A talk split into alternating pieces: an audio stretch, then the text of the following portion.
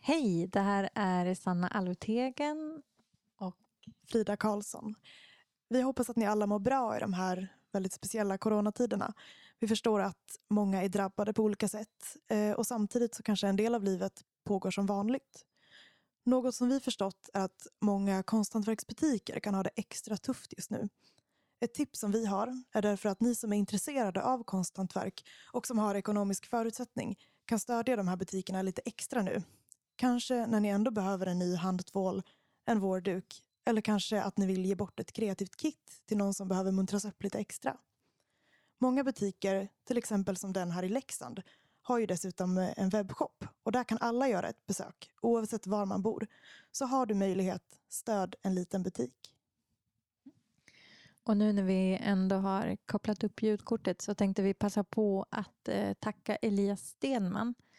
Eh, Elias är ju den som har dels gjort vår jingel tillsammans med Malte O'Reilly och eh, dessutom så är det Elias som eh, klipper de avsnitt som vi har spelat in. Och vi kan ju lova Frida att det vore en långt eh, mycket mer stökigare podd utan honom. Och eh, kanske särskilt med det här Anagama-avsnittet så har han ju fått göra ett riktigt testjobb. Så tusen tack Elias för att du gör det här möjligt. Framöver så kommer vi spela in ett frågeavsnitt med eh, Stefan, så passa på att också skicka in din fråga till oss redan nu. Vill du veta något om vedbränning eller undrar du något annat eh, om keramik? Hör av dig till oss på sociala medier där vi heter Keramikpodden eller mejla till oss på hej keramikpodden.se. Mm. Och nu blir det mer av eh, Stefan Andersson där vi kommer fortsätta att lyssna på när vi bränner i skolans Anagama-ugn. Och varvat med det så pratar vi med Stefan och eh, i slutet får ni också lära känna honom lite mer när han svarar på snabba frågor. Bra! Välkomna till ett nytt avsnitt av Keramikpodden.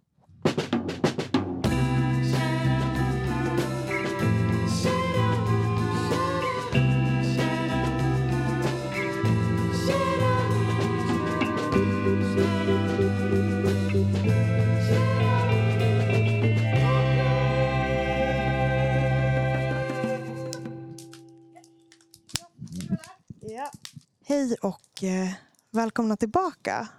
Jag och Sanna sitter nu på vårt andra eldpass. Klockan är eh, strax efter halv tre på natten. Och eh, än så länge så är väl modet, modet uppe. Mm. Eh, när vi går av eldpasset här vid midnatt så ska vi elda i ett och ett halvt dygn till nästan.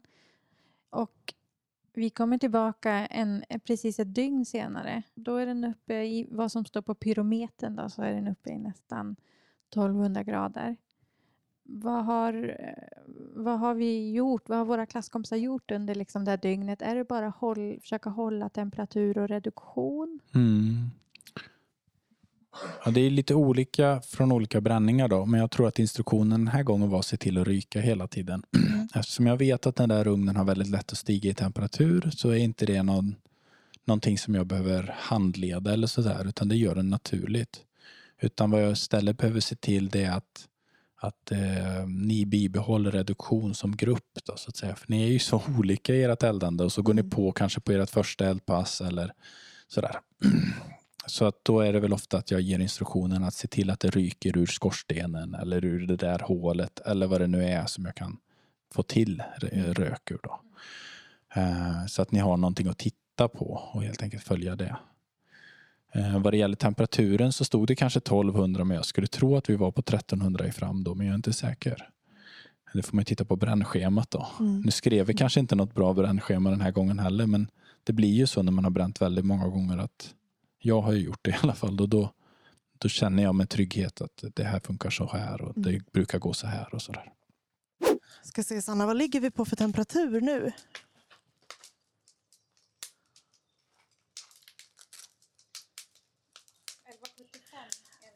–11,75 enligt pyrometern. Men det har vi fått lära oss att det kanske inte betyder så mycket alla gånger. När vi eh, tog över eh, från de som eldade innan så hade vi ett litet problem i form av att vi, det har bildat ett väldigt stort eh, glödberg precis innanför inkastningshålet. Eh, så pass mycket så att det nästan är svårt att få in mer ved. Eh, vi har nu försökt lösa det här så bäst vi kan och vi har fått lite råd om att... Eh, ja, vad har vi fått för råd? Att vänta ut reduktionen lite, låta röken försvinna helt ur skorstenen innan vi, eh, innan vi lägger på mer ved. Vi har försökt att lägga i lite tunnare bitar av ved och eh, vi har också väntat längre mellan iläggen.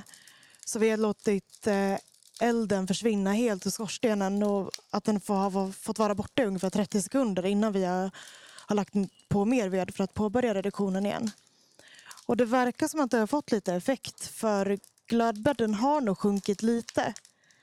Den har i alla fall inte växt och det är vi glada för. Ehm, och nu har vi inte brytt oss så mycket om temperaturen utan vi har bara ja, helt enkelt bara kört på. Nu har vi legat kring ja, 11-1200 grader i stort sett hela dagen. Så förhoppningsvis så har temperaturen kunnat jämna ut sig ganska mycket nu när vi håller den här temperaturen. Den har väl varit på den här temperaturen i ett dygn nu, ungen? Ja, det kanske är så länge. Ja, Ja, för när vi lämnade över igår så var den ju på nästan 1100. Mm, just det. Mm, det stämmer.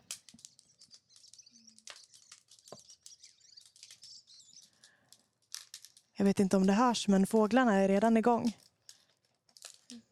Mm. När klockan eh, börjar närma sig fyra så kommer vi bli avbytta av, eh, av nästa gäng. Och sen så kommer vi elda ungefär fram till mitt på dagen imorgon.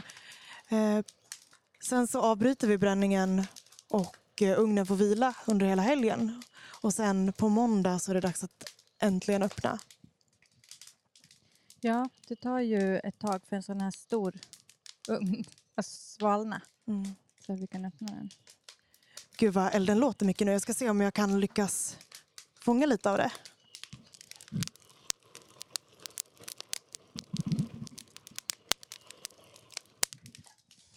Och igår så kladdade vi på lite tätningsmassa runt eh, den murade ingången till ugnen bestående av sand och lerslamma. Och det verkar som att det har hållit ganska bra, va, Sanna? Det har inte spruckit upp så mycket. Ja, de kanske har gjort det efterhand. Ja. ja. Och nu har vi börjat slänga in... Eh, för varje gång som vi, som vi slänger in ved fram i ugnen så matar vi också på ved ur det lilla sidoinkastet. Jag var ju lite orolig för, för det här passet. Det känns som att det är, ganska mycket tyngre mellan midnatt och fyra på morgonen än vad det är från åtta till midnatt. Men hur, hur mår du? Känns det okej? Ja, och det, det är väl lite typiskt liksom att eh, det kändes ju lite motigt sådär vid elva tiden Mm, Igår. verkligen. att man skulle vara här hela natten. Men nu, nu, är, nu är vi ju igång, nu är det ju kul och det blir nästan svårt att lämna över. Ja, faktiskt. Det var ju samma sak i, igår också. Man tänkte att man skulle vara helt färdig och bara gå hem direkt. Men då började vi packa en skröj mitt i natten. Jag vet inte riktigt vad som, vad som hände. Vi packade i alla fall en halv skröj mitt i natten. Mm. Sen insåg vi att Vi hade väl lite dåligt omdöme kanske. lite för trötta. Så vi, ja, men det var snabbt att packa klart den idag. Så det var ju skönt. Eftersom den här ugnen tar, ja, vi eldar tre, ja, två och ett halvt dygn och sen Mm. får den ju svalna ett par dagar.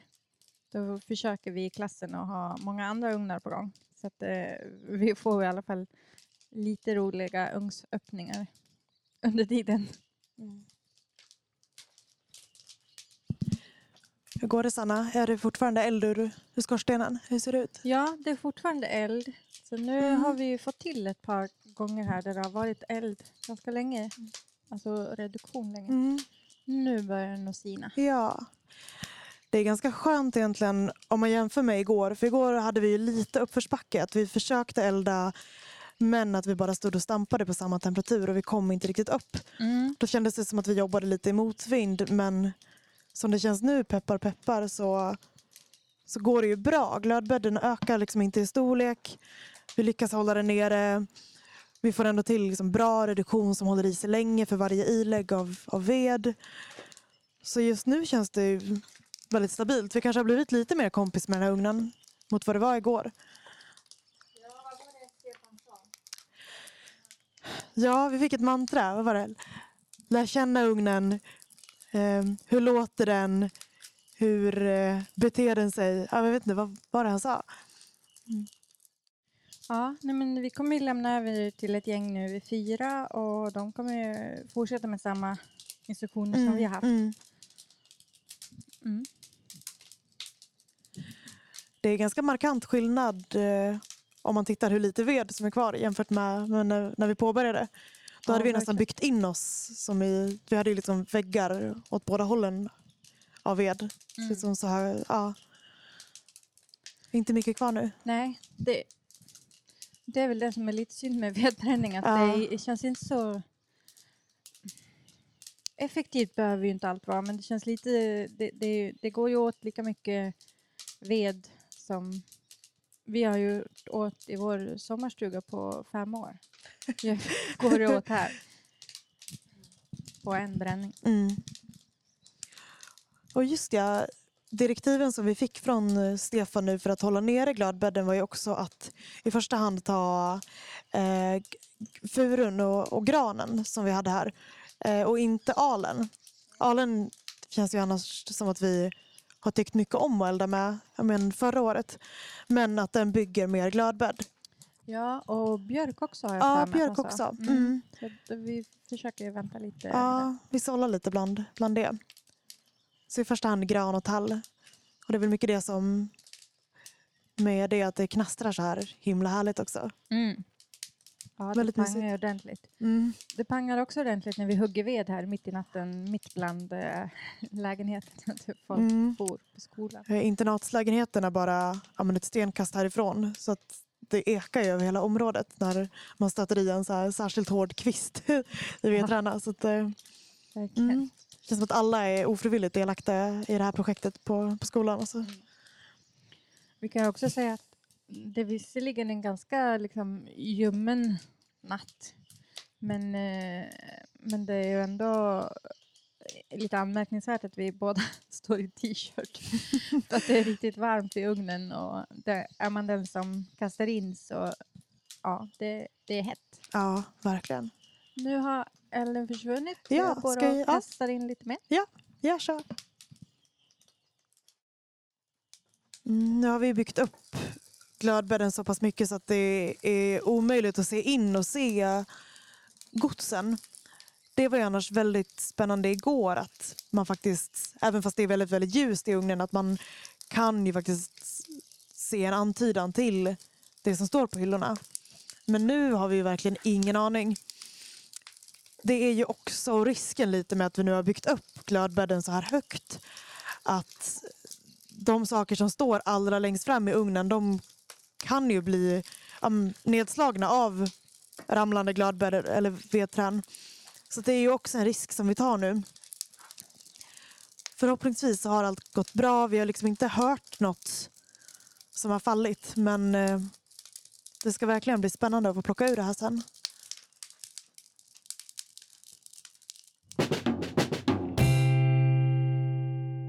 Men jag tänker då när vi eh, tog över ugnen igen, då när det var där kring 1200. Mm. Eh, det var ju då som vi hade byggt den här väldigt, väldigt stora glödbädden som vi har pratat Mm. lite om.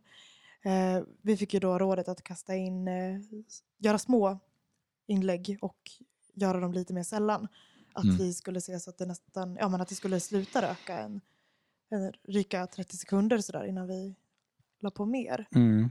Då bränner man ju ner glödbädden när man Mm. ger lite syre på den. För glödbädden ligger längst fram i ugnen och den bara väntar på att brinna upp egentligen. Så Mm. ger man den syre då får man både temperatur och, eh, och lägre glödbädd så att man kan lägga på ved. Ja, Och det, det kommer sig naturligt, eller det är egentligen mitt fel att ni var i det läget. För mina instruktioner ehm, som säger att det ska ryka hela tiden gör ju att de kanske blir lite hetsiga och lägger på och lägger på. Och någon gång kanske man ser att oj, jag la på och den sjunker och så får man panik och lägger på en extra gång. Så att jag vet ju att de instruktionerna jag gav leder in er i det där fällan lite grann. När det blir så fullt med ved och glöd i ugnen att man inte får in mera. Mm. Men alternativet är inte heller att föredra där ni skulle lägga på för lite och så får ni bara ut gula krukor i ugnen. Ja. Så att det är lite av en sån här det är en instruktion som jag har valt att ge för att hålla det enkelt egentligen. Just det. Sen efter den natten, då var det väl på förmiddagen dagen därpå som vi avslutade bränningen. Hur var det vi gjorde då? Du var uppe på taket och klättrade lite och en Ja, klasskompis också. Hur går det till när man, när man avslutar en bränning? vanligtvis? ja, jag är uppe på taket av den här ugnen eftersom den har inga spjäll i normal höjd. Utan, utan de har valt att lägga ja, efter den här mannen Furutamis eh, design då. ehm, inga spjäll i ugnen, inga eh, regleringsverktyg i ugnen. Ehm, så då måste jag klättra upp på taket för att kväva skorstenen. Stoppa helt enkelt ugnen från att brinna, eller vad ska vi säga? För brinner gör den ju fortfarande, men lugna ner den. Så då bromsar vi in den eh, ganska bryskt genom att stänga skorstenen. Och um, gör man det jättefort då slår ju lågorna ut överallt. Jag vet Mm. inte om du gjorde det lite i den här gången. Jag tror inte det gjorde det den Nej. här gången, men det gjorde det i höstas när vi Ja. eldade. För att det när man stänger där så ja, det rör sig om centimeter hit eller dit om, om lågorna ska slå ut åt alla andra håll. För de finns ju där inne i ugnen och om de inte får gå ut genom skorsten så går de ut någon annanstans. Och det finns ju alltid spring i din ugn. Och fanns det inte det så skulle det väl sprängas upp en springa tänker jag. Ehm, Men man märker ju hur den börjar ryka överallt ifrån. Ja. Nu slog det inte lågor, men det ryker ju från hela ugnen. Ja, det är ju alla sprickor Ja. mellan stenar och så där det kommer ut. Då. Och alla de där springorna har ju sugit in luft innan vi drog igen skorstenen. Så det betyder ju att överallt i ugnen så sugs det in luft under hela bränningen. Och det är därför vi får lite variation i reduktion på alla krukor och sådär. Ja men precis, det känns som att vi har hört dig prata ganska mycket om just eh, ja, det som händer efter att vi har eldat klart egentligen. Ja. Under själva avsvalningen. Att mycket av utseendet på, på krukorna och på skärven händer där. Ja, så är det ju. berätta lite. Nej, men jättemycket av färgerna utvecklas i hur man väljer att avsluta. Om, om, det, om man avslutar med mycket rök ur alla springor och hur långt ner i temperatur man gör det. Man kan ju till och med välja att elda ner ugnen så att man ser till att det ryker ur ugnen ända ner till Mm. 600 grader. Och allt det där ger olika färger. Så man tänker sig en mörk, en, en vanlig mörk lera så att säga, som har lite järn i sig. Har man reducerat den bra och så slutar man bara elda ugnen och släpper in syre, då blir den röd. Men om man tar och ryker under avsvalningen istället, då blir den gråblå istället. Um, och sen så varierar det där på alla olika leder så att man kan ha olika spektra. Och glasyrer framför allt får ju jättemycket av sin karaktär i avsvalningen. Men det händer även i en elugn och det glöms ganska ofta bort att, att elugnen har också jättemycket av sina glasyrkaraktärer i avsvalningen. De allra flesta glasyrer är ju högblanka på topptemperatur och sen blir de matta på avsvalningen om de är matta.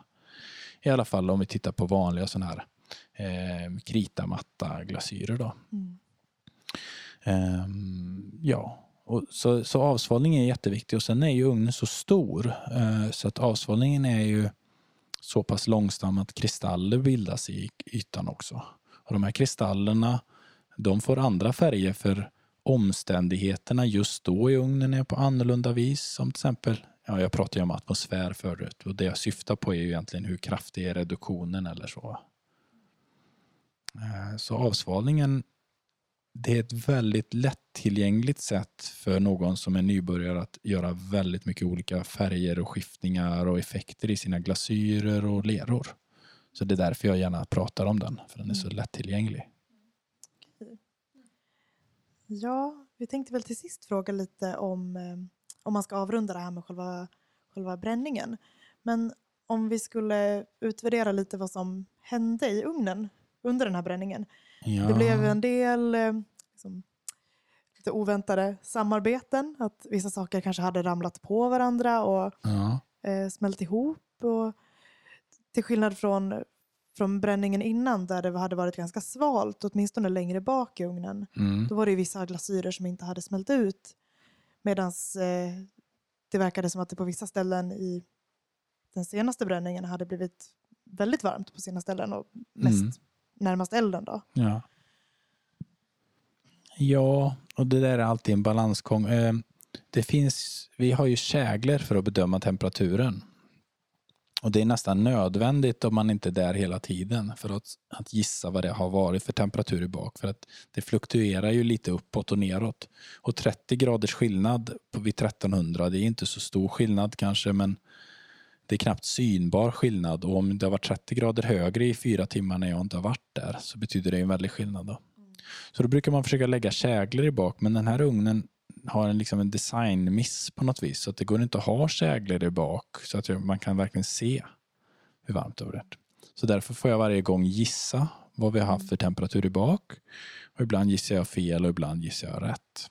Och sen är det också det att när vi kommer till avslutet, vi vet ju när vi ska sluta. Man kan tänka sig att förr i tiden så eldade man tills man var klar, om man säger så. Men vi vet ju att vi ska sluta till lunch då. Så då får man ju bara göra det. Och um, det kommer ju med fördelar också, för ibland kommer ju de här matta glasyrerna ut och är på något helt annat sätt än vad man förväntar sig. Och det är ju på något sätt, tänker jag, lika mycket värt för en keramikutbildning egentligen. Och nu hade ni lyxen att kunna bränna två gånger och få en varm bränning och en kall bränning. Då. Verkligen. Det kändes väldigt pedagogiskt faktiskt. Ja. Sen om det blir varmt på olika ställen i ugnen så är det ju sånt som jag jobbar jättemycket med i min ugn. Att jag vet vart det är varmt och vart det är kallt. Vart jag ska motarbeta det med packningen nästa gång. Eller ställa saker som jag vill ha varmare eller kallare på de platserna. Så det är ju sånt man jobbar med med rutin helt enkelt i sin ugn. Men det, det är ju ingenting som ni hinner få på folkhögskolan tyvärr. Utan det är ju några års arbete innan man har den rutinen. Då. Ja, precis. I och med att det är olika grupper och sammansättningar varje gång vi bränner så det är svårt att ja, men precis, jobba upp någon vidare rutin. Ja. Men, eh, Men bara eh, kom, att närma sig lera med en öppen blick eller det som kommer ur ugnen med öppna ögon. mm, Alltså utan att vara dömande och förutbestämt hur det ska vara. Det är ju en, eg- en kunskap som är väldigt bra för keramiker generellt. ja, Var mindre fixerad vid hur det där andra ska bete sig. Idag tänker jag det lite som om, som om man har en relation med någon. mm, Alltså att man inte bestämmer sig för hur den personen ska vara. mm, Utan de får baka sig själv och så får, de, får man tycka om det som kommer ut. ja. Det var väl jättefint. Verkligen. Så är det ju verkligen. Att, man, eh, att jag- jag kan vara besviken över det som kommer ur ugnen och så vill jag nästan bara ge bort det eller slänga det och så får det istället stå sex månader på en hylla så kommer det från något helt annat håll att någon tycker att det där var ju faktiskt väldigt häftigt och så börjar man titta på det själv på ett annat sätt. Ja, för de här drömmarna ställer ju till lite bekymmer. Mm. Så är det ju. Men Ja. utan drömmar så vet jag inte om man ens vill göra någonting. Så de är ju dubbeläggade de där dröm- drömmarna, tänker jag. Um, men jag, jag skulle säga att jag blir bättre och bättre på att vara mera öppen. Och det svårigheten är ju snarare att förklara för kunder att de ska ha samma typ av öppenhet. För det är inte, det är inte synonymt med eh, ja, hur folk tänker egentligen. Hur skulle det vara om man tänkte sig att man skulle bygga ut sitt hus och sen lämnar man det bara så att tre månader sedan kom man dit och då hade någon hittat på någonting. Eh, Men det är lite dit jag vill försöka komma med mina kunder och ibland lyckas jag, ibland inte kan jag säga.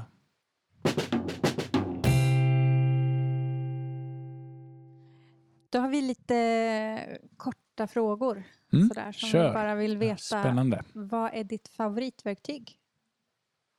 Oj, det vet jag inte. Jag, jag har lite träsken som jag använder ganska mycket. Eh, tjocka, rundade saker som jag använder till mycket profilering av skålar framför allt och tallrikar och så. Är det de du har specialbeställt? Såg jag att du fick en låda förut. Ja, till den här drejkursen har jag beställt några från Amerika. Eh, och det är för att de är så svåra att göra i trä. Men sen har jag fått en snickare uppåt i landet att göra träverktyg också till mina kursare. Eh, och det är mer de träverktygen jag tycker är riktigt charmiga. Sådär. Men de är ju precis formade efter vad jag behöver och sådär. Så det är klart att jag tycker om dem. Tricket är ju att få eleverna att fatta och använda dem.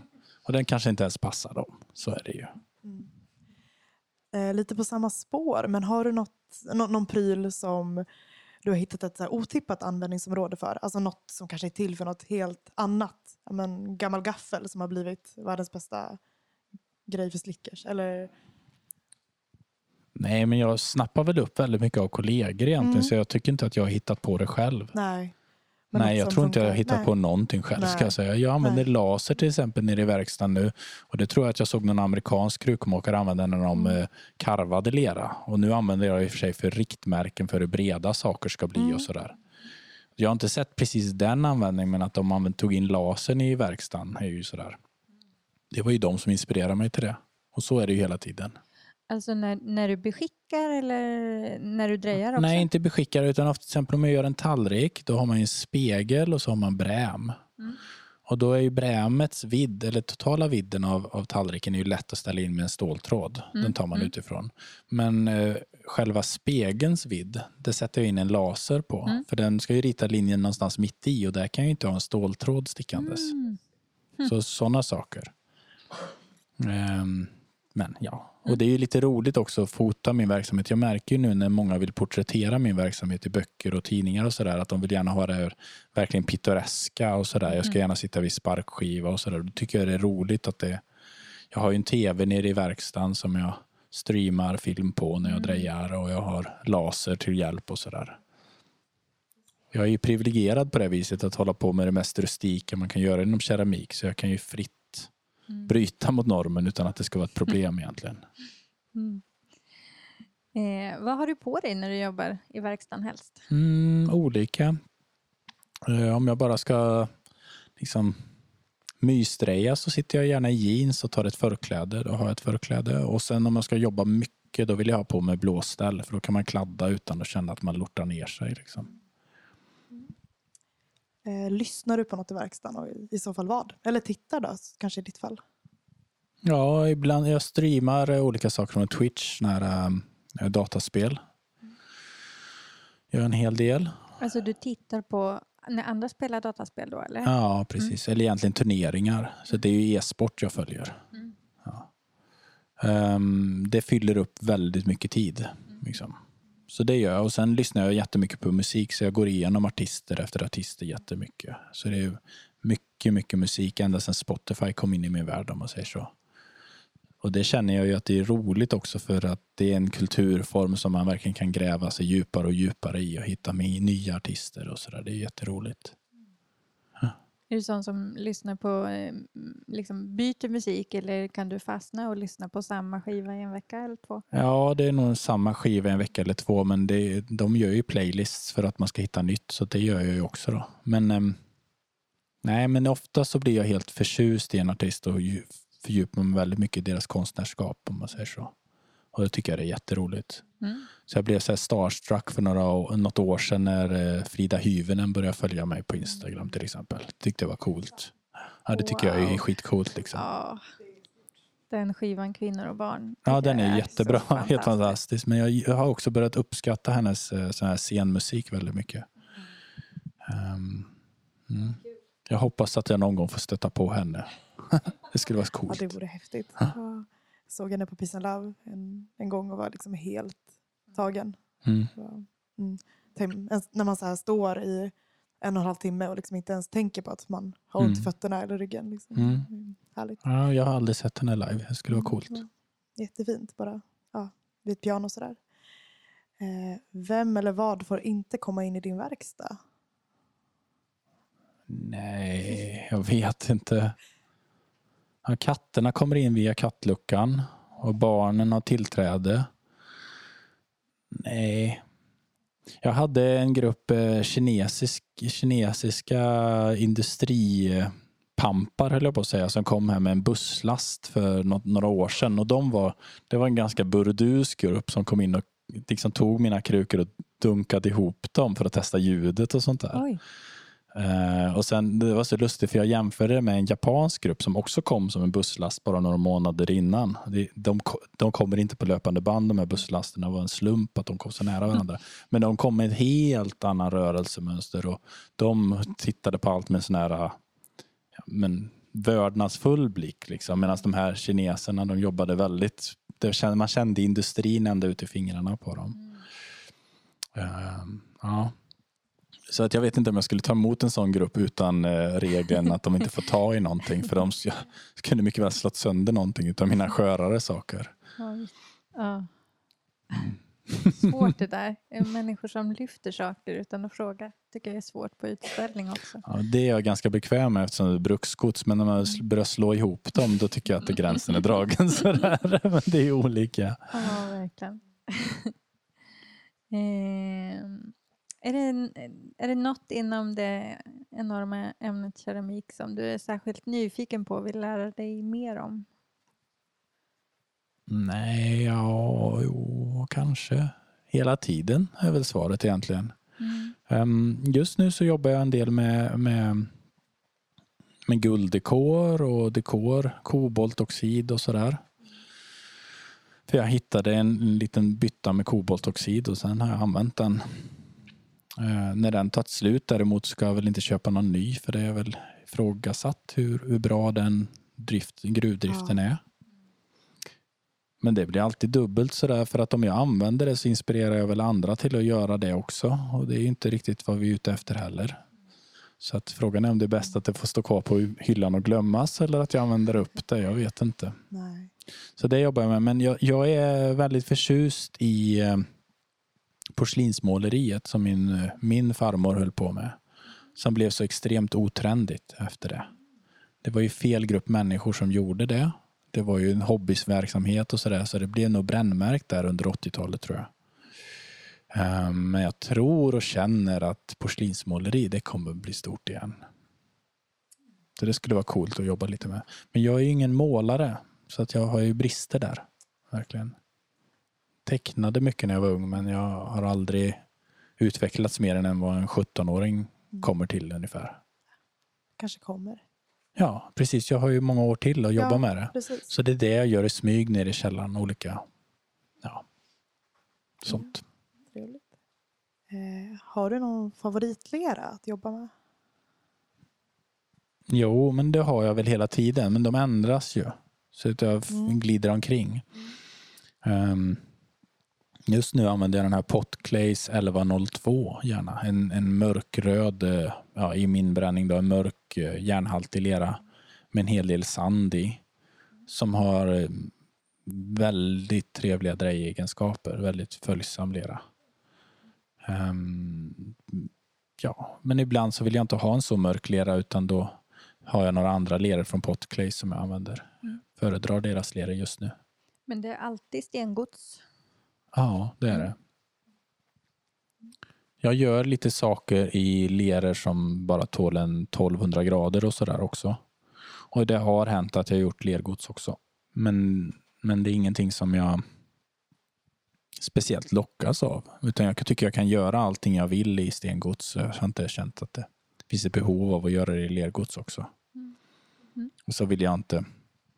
Om man ska ge sig in i lergods så Eh, skulle jag vilja hitta bra glasyrer och sånt till det. Och jag tycker det blir sån tjorv av eh, ja, så långt ifrån de glasyrerna jag jobbar idag. Idag är ju glasyrerna jag jobbar med eh, mycket lera, lite fältspat, lite kvarts, lite krita.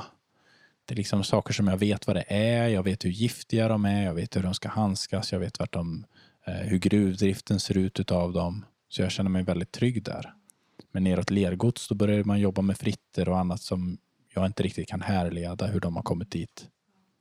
Har du någon, någon glasyr som du drömmer om att få till?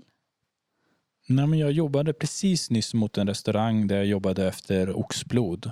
Och då gjorde jag en provbränning i eran gasugn på skolan och de kom ut grå. Men i min ugn som jag brände, byggde för att bränna den nu så kom de ut röda med gröna flashes så de blir jättefina där. Ja. Um, så den, men det, det, tog ju mig två och en halv månad att nå den punkten. Mm. Så där gjorde jag ett sånt Men jag jobbar jättesällan på det viset. Eh, jag, jag tar istället och blandar tre, fyra råvaror. Lite aska, lite fältspat, lite blå lera eller någonting. Och så bränner jag det och ser vad det blir. Och sen tänker jag istället, vad kan jag göra med det här? För det tycker jag är roligare sätt ja. att jobba med glasyr än, än tvärtom. Mm. Slipper man bli besviken på samma sätt kanske. Nej men det kan man ju bli ändå. Men, men i det andra fallet så har man en dröm om vad man jagar efter. Och sen får man stå och blanda glasyrer tills man har nått dit. Och blandande av glasyrprover är ingenting jag uppskattar, i alla fall längre. Jag gjorde det jättemycket när jag gick på folkhögskolan, men där tog det slut ungefär. Så jag använder fortfarande de glasyrerna jag tog fram på, på eh, första året på HDK och slutet av folkhögskoletiden. Ja. Vad roligt. Sen undrar vi om eh, du har varit med om något sånt där riktigt ordentligt eh, keramikhaveri eller någon sån katastrof i verkstaden någon gång? Om du har liksom tabbat dig rejält? Jo, men jag, jag brände lite eh, tallrikar bara för några månader sedan till en kund. Hon har fått vänta nästan ett år på de där tallrikarna så det var dags att få ut dem. Men så när jag hade bränt dem så poppade all angoben av och så liksom smällde loss under glasyr och allting. Och då hade jag ändå gjort ett prov på angoben och leran i kombination, men de passade. Och det, då funkar det. Men när jag gjorde det så, så helt plötsligt ja. smällde det av. Men det, det är ju sådana små saker som gör stor skillnad om hur tjockt det låg eller sådär. Men annars har jag inte varit med om några stora ras i ugnen. Det var på väg att falla en, en setplatta för ett par bränningar sedan, men då var det en liten, liten porslinskopp som höll upp hela packningen. Oh. Eh, så då kunde du väl fallit en fem, sex, ett plattor med saker. Oh. Uh, och det är väl oundvikligt att det kommer hända någon gång. Mm. Uh, men jag har sluppit det.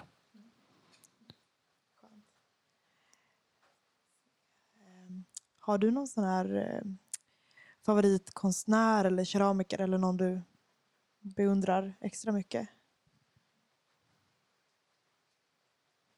Ja, jag tänker ju sällan så riktigt. Mm.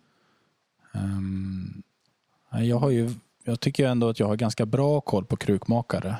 Och jag tittar jättemycket på ja, men som Instagram och sådär så följer jag väldigt många keramiker eller krukmakare som jag kallar det. Då. Um, nej men det finns ju krukmakare som har influerat mig mycket längs vägen och då är ju min farbror en viktig person såklart. Han, han representerar väldigt välgjord keramik. Jag är ju lyckligt lottad att komma till en krukmakare som bryr sig så mycket om form som han gör från första början. Och sen så jobbar jag jämsides med Clive Bowen några somrar här på sommarkurser och lärde känna hans arbete. Men det finns ju så himla många duktiga krukmakare och inte minst de där som börjar bli lite äldre som tar eh, formgivningen och anspråk. De tar det mera... Ja, det är mindre ego i deras saker. Mera anspråkslöst, bara gör. Men man ser skickligheten i varje drag de har gjort i krukorna. Det är väl där jag är mest inspirerad just nu. Mm. Medan förut så jobbar jag mycket mer efter en strikt eh, formgivning och väldigt exakt och väldigt noga. Men jag hade kanske inte kommit hit om jag inte hade gått den vägen tror jag. Så att mm. jag tror inte någon exkluderar en annan. Mm. mm.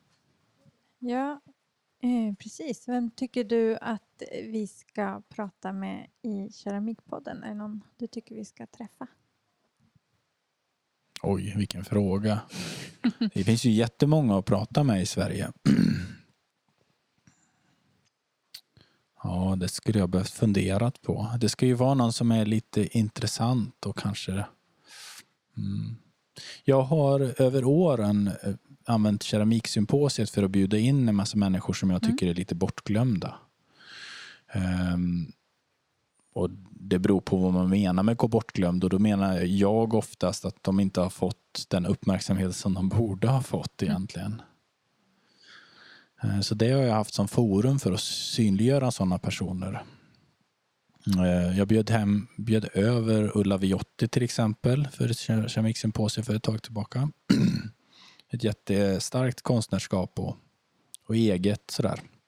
Och hur hon har angripit det och dessutom varit tvungen att liksom nästan lämna Sverige för att bedriva den verksamheten. Mm. Det är inspirerande. Men sen finns det ju jättemånga duktiga keramiker i Gustavsberg som den smältdegen som blir den när man jobbar bredvid varandra. Ja. Nej, jag ska inte säga några enskilda namn på det viset. Jag tror inte jag kan eh, sätta fingret på en som skulle vara rätt. Men jag kan skriva en lista någon gång. ja, det För nog finns det många duktiga Ja. som, eh, som har mycket vettigt att säga. Mm. Vi tar gärna emot den listan. Ja. Mm. Vi har Ja. en lista. Ja, jag tror inte ni behöver fler namn från mig utan det är bara att harva på så kommer ni hitta många intressanta. Ja. Och jag tror väl egentligen att alla är intressanta så att jag vet inte Mm. hur man börjar med att värdera det. Är det framgång man mäter i? För att framgång är ett så konstigt koncept i Sverige när det gäller keramiker. Ja. För jag menar, de, mest fram, de som gör de absolut bästa sakerna kanske aldrig har fått kunnat leva på det ens. Nej, jag tror Eller inte fått några stipendier för den delen heller. Nej. Nej. Och så finns det det här åsiktsfönstret också som gör att vissa keramiker som har sålt jättebra och överlevt på att göra sitt krukmakeri får aldrig komma in i någon enda organisation, har aldrig fått något stipendium, har aldrig för att de, deras formspråk går utanför svensk designnorm. Ja. Men det Så- vore roligt att liksom täcka in eh, ja, men, så mycket som möjligt av liksom, det här enorma fältet som är keramik. Att, Mm. att bara försöka träffa så olika människor som möjligt Mm. egentligen. Nej, men olika bakgrund, just att man kan ju ha man kan ha eh, studerat och tagit examen men man kan också vara självlärd. Och, Mm.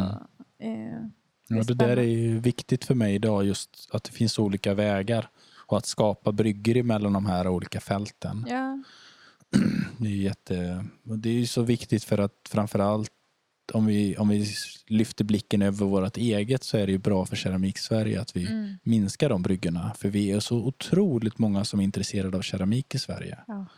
Och om eh, alla de liksom gemensamt gick på utställningar eller så vidare, då skulle vi ha utställningar i alla de stora konsthallarna med keramik och ha tv-program och sådär också runt det. Om vi bara kunde överbrygga det här.